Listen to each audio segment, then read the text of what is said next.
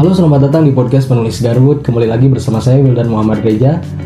Hari ini kita kedatangan seseorang yang sudah kita janjikan dari sebelumnya. Halo. Di episode pertama ini kita kedatangan Adam Salam selaku filmmaker asal Garut. Wede. Filmmaker lo ya Adam ya? Ih, belajar film. Belajar film lebih tepatnya. gitu ya. Oke Dam.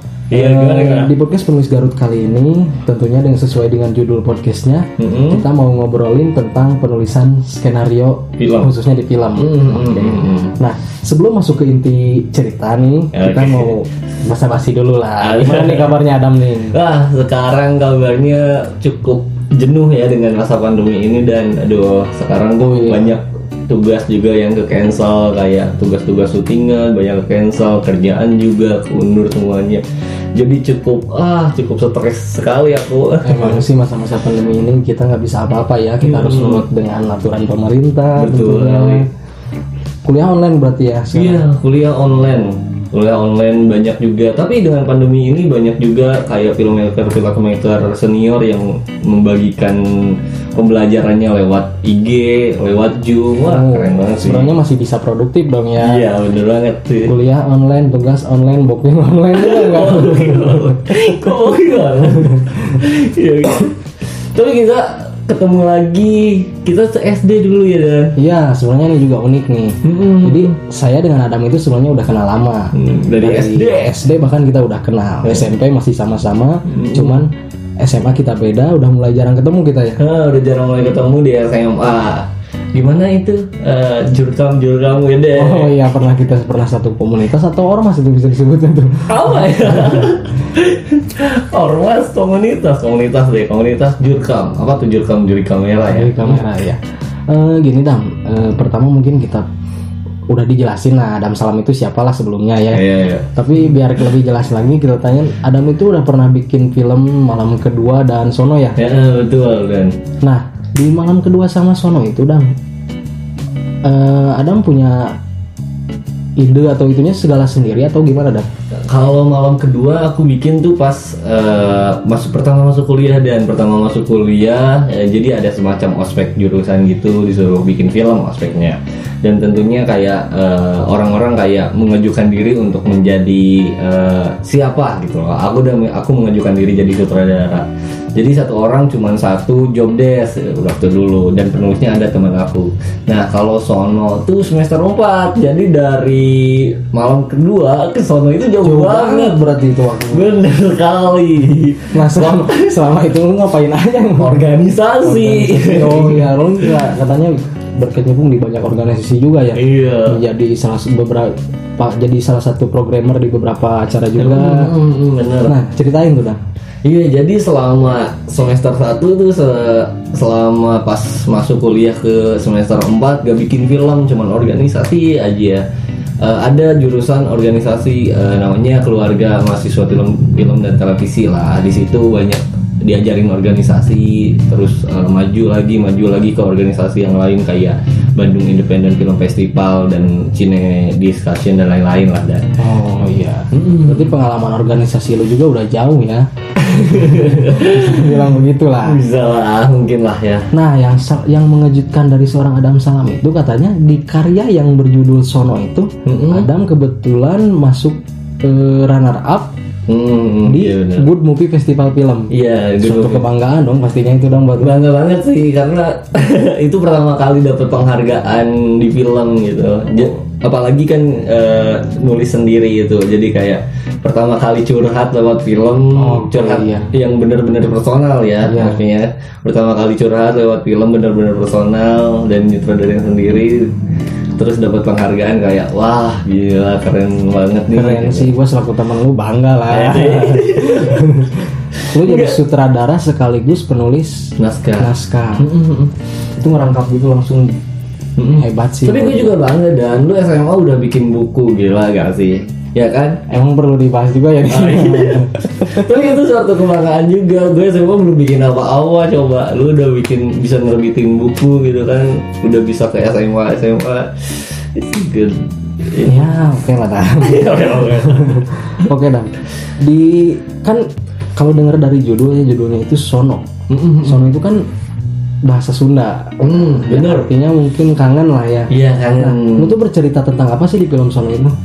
Ini bercerita tentang seorang anak laki-laki yang bernama Adam juga. Hmm, ambil dari nama sendiri nih. Iya, ambil dari nama sendiri yang yang mencari kedua orang tuanya sih bersama kakak dan adiknya. Tentang tentang itulah. Oh, tentang keluarga lah ya. Hmm, hmm. Itu emang keresahan sendiri ya. Iya, bisa dibilang gitu, sangat personal. Sangat personal sekali dan alhamdulillah dari karya Sono itu mendapat beberapa penghargaan dan luar biasa lah. Hmm, terima kasih banyak. Masih banget. untuk yang masih belum tahu Adam Salam itu sehebat itu loh. Oh iya, sebel banget tuh. enggak kok, Oke, enggak kok, enggak kok. Kita masuk ke mulai masuk ke judul lah. Oke. di Apa nih judulnya gimana? ngobrolin tentang penulisan skenario film. Ah, Oke. Soalnya gini Dam, masih banyak yang penasaran di follower penulis Garut itu tentang korelasi atau hubungan antara menulis skenario film dan sebagainya lah. Hmm. Kita ngobrolin tentang penulisan skenario Dam kali ini. Hmm, gimana? Dalam penulisan skenario film itu apa menurut eh, penulisan skenario film itu sebenarnya seperti apa sih Dam? Ah, sebenarnya aku juga gak tahu ya dan maksudnya kayak penulisan novel juga mungkin Wildan bisa cerita ya tentang Iya. novel dan lain sebagainya. Kalau di penulisan skenario yang aku tahu eh, penulisan skenario berbeda dengan novel dari letak kata bahasanya. Oh, bentar, bentar saja. Hmm, eh, kalau skenario biasanya langsung kayak actionnya. Kalau novel kan harus membuat si pembaca kayak berimajinasi ya dan bener gak sih? Bener. Atau- Kalau salah tolong koreksi ya. Oh, siap. Hmm. berimajinasi bahwa gimana gimana gimana. Nah, kalau skenario film harus langsung tindakan yang diambil karakternya aja yang ditulis. Jadi lu lebih ke langsung ke inti dari apa yang akan dilakukan mungkin seperti itu. Kalau novel kan biasanya lebih bertele-tele dari situasi, Iya, benar. keadaannya kayak gimana. Hmm. Itu kan dibahasnya sedetail mungkin. Kalau Iya. skenario film kayaknya sih langsung to the point ke action aja kayak gitu. Ah, langsung ke action aja. Misalkan Wildan mau ngambil barang langsung aja gitu. Langsung aja dia langsung ke Ah, langsung ke actionnya. Hmm. Nah, dari penulisan skenario film sendiri biasanya Adam punya kesulitan apa sih? Kalau skenario film biasanya eh, sulitnya tuh belajar skenario nya dan belajar strukturnya karena eh, apa ya? Banyak buku di Indonesia nggak terlalu banyak yang ngebahas tentang struktur eh, skenario film. Oh, cuman yang aku baca cuman ada satu deh eh, Salman Aristo. Eh, kelas menulis skenario.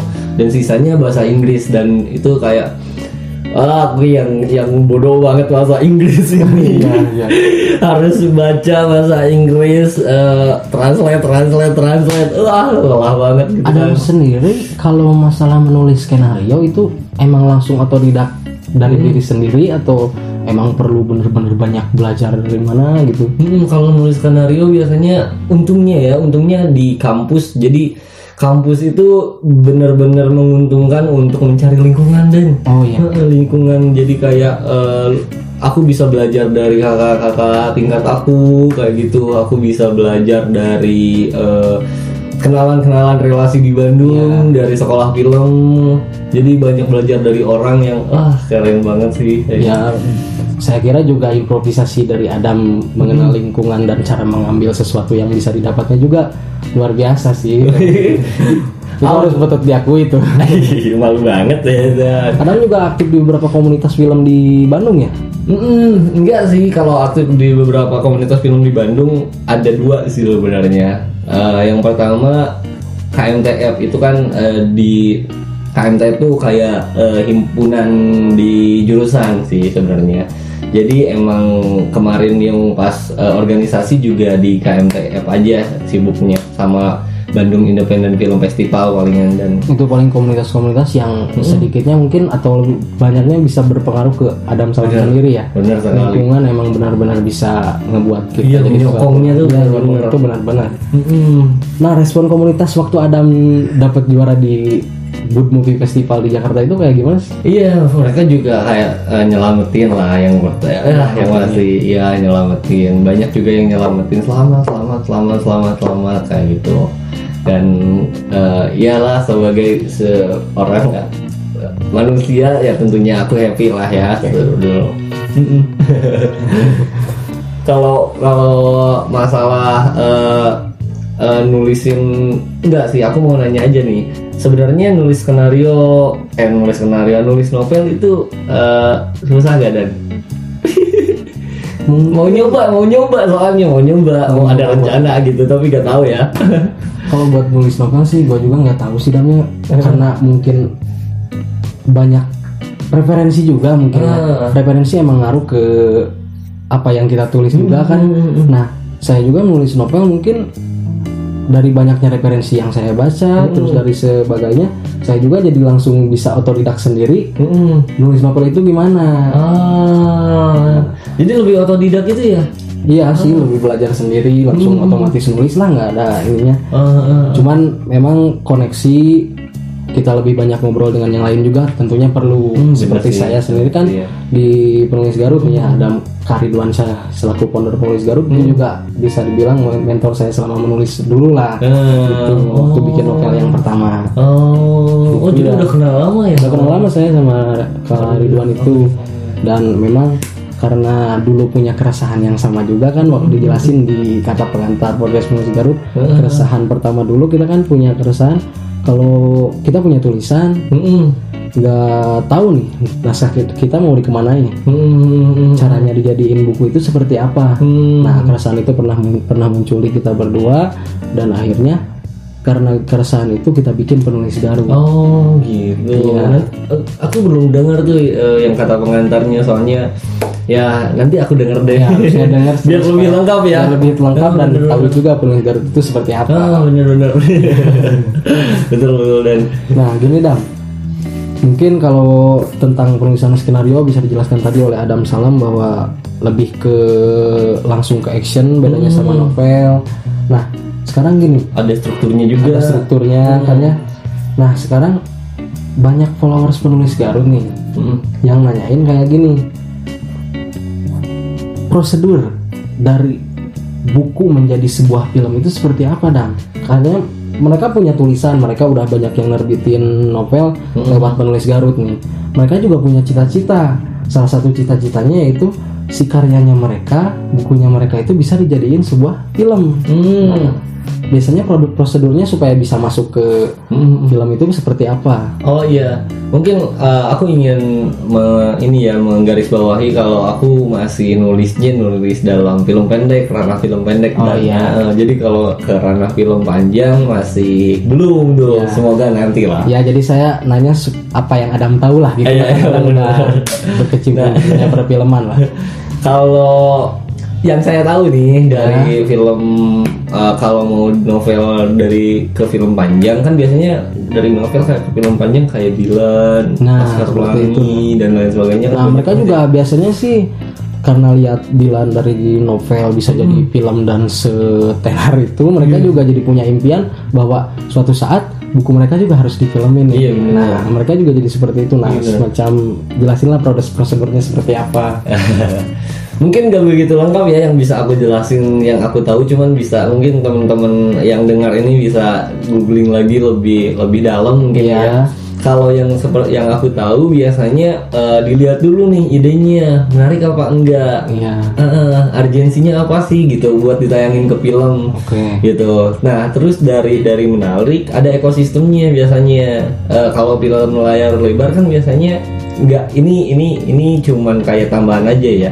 Biasanya kan ada ekosistem kayak audiens dari bukunya nih. oh iya si Misal- pembacanya Mm, misalnya si pembacanya gitu kan eh, harus biasanya itu juga jadi salah satu perhitungan. Tapi biasanya yang lebih yang lebih condong sih ke unsur kreatif dari si novelnya kayak idenya apa apakah eh, ceritanya possible untuk divisualisasikan? Iya. Heeh, ataukah bisa nggak sih menarik nggak sih untuk divisualisasikan? Apakah konflik dari si novelnya masuk apa masuk akal nggak sih gitu kan buat menarik nggak sih buat diangkat? Mm-mm, karena gini dan kalau udah beda apa ya beda beda medium dari novel ke film biasanya isinya juga ada beberapa yang beda. Makanya kayak kalau kalau pernah dengar suka ada yang protes kok novelnya gini? Kok filmnya gini? Ya lah mediumnya aja udah berbeda kan. Macam ada yang dihilangkan, Iya, ada yang itu ya, Iya. hmm, gitu dan biasanya. Kemarin juga yang NKCTHI kan gitu kan, Oh, iya, iya. padahal kata ininya cuma kutipan doang kan, Kutipan doang tapi bisa jadi film. sebesar itu.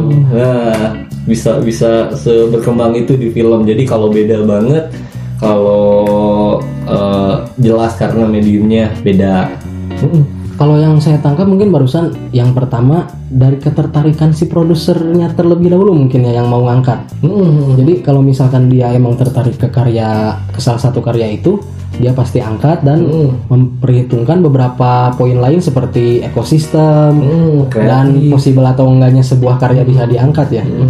Selain kreatif ya, Selain kreatif ya.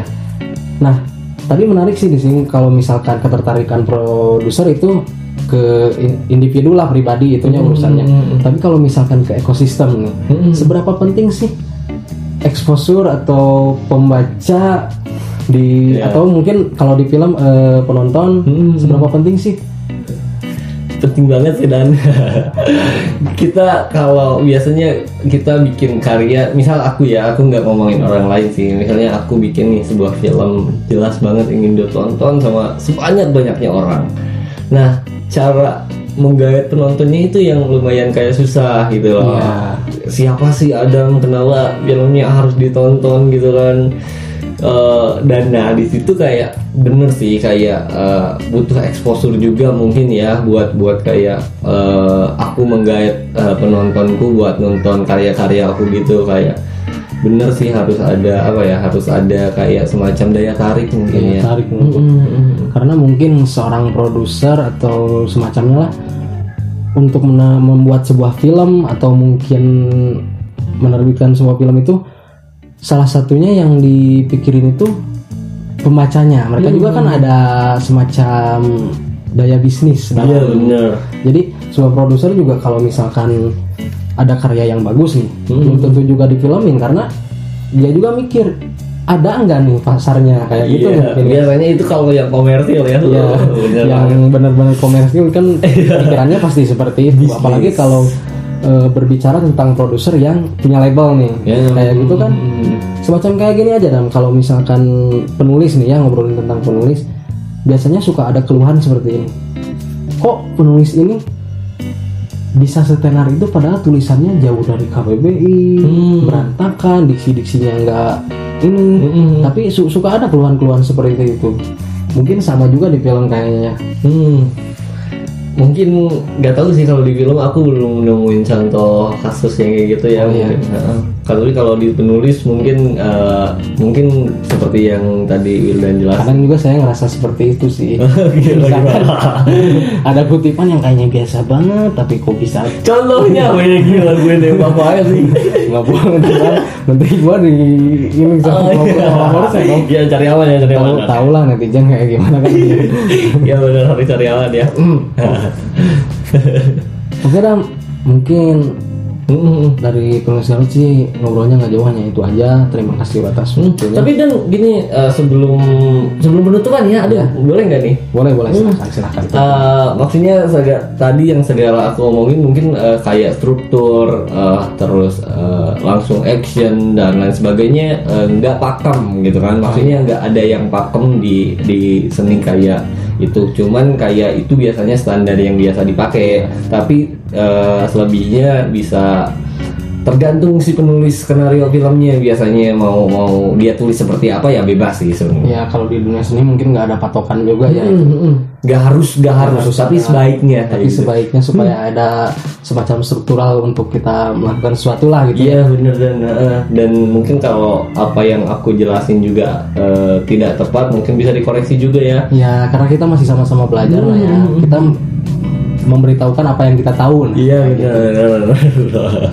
Jadi mungkin buat followers penulis Garut yang ngedengerin podcast ini tadi yang udah Adam jelasin kalau be- perbedaan antara menulis skenario dan yang lainnya seperti apa supaya mudah-mudahan bisa bermanfaat juga. Nah, kalau ada yang penasaran tadi tentang bagaimana sih sebuah buku bisa difilmin itu tadi juga udah dijawab sama Adam. Untuk referensi lebih lain bisa dengerin podcast lain atau misalkan googling-googling di mana pun. Tapi mudah-mudahan apa yang kita sampaikan ini bermanfaat ya Dam ya. Iya benar. Boleh lah ditanya kalau ada yang ini skenario film boleh nanya aja. Iya, Apa nah. terbuka banget lah. Tuh, Adam udah bilang katanya kalau misalkan ada yang mau tanya-tanya tentang penulisan skenario atau semacamnya bisa langsung kontak ke Adam Salah. Meskipun aku juga masih belajar ya. Ya, tapi biar setidaknya bisa kita membantu. sama-sama belajar lah. nanti ya. Iya, benar. Terima kasih banget Adam atas Iya, waktunya. makasih juga Sudah- diundang ini aduh. Saya bahagia banget. Ih, saya juga dong. Ini teman lama bisa dipertemukan Iya, dalam podcast ini. Benar sekali. Terima kasih Dam atas waktunya. Semoga apa yang kita sampaikan bermanfaat. Amin. Mudah-mudahan kita bertemu di lain waktu. Amin, amin. Semoga ada podcast lain yang lebih baik. Alhamdulillah. Jangan kapok ngundang aku. Nggak, Oh, ngundang, enggak ngundang, sharing ya, sharing apa? Sharing lah. Sharing. Pokoknya pantengin terus podcast penulis Garut. Terima kasih untuk yang sudah mendengarkan. Mudah-mudahan kita bertemu di lain waktu. Pantengin terus podcast penulis Garut. Sampai jumpa di next episode. Dadah. Dadah, terima kasih banyak.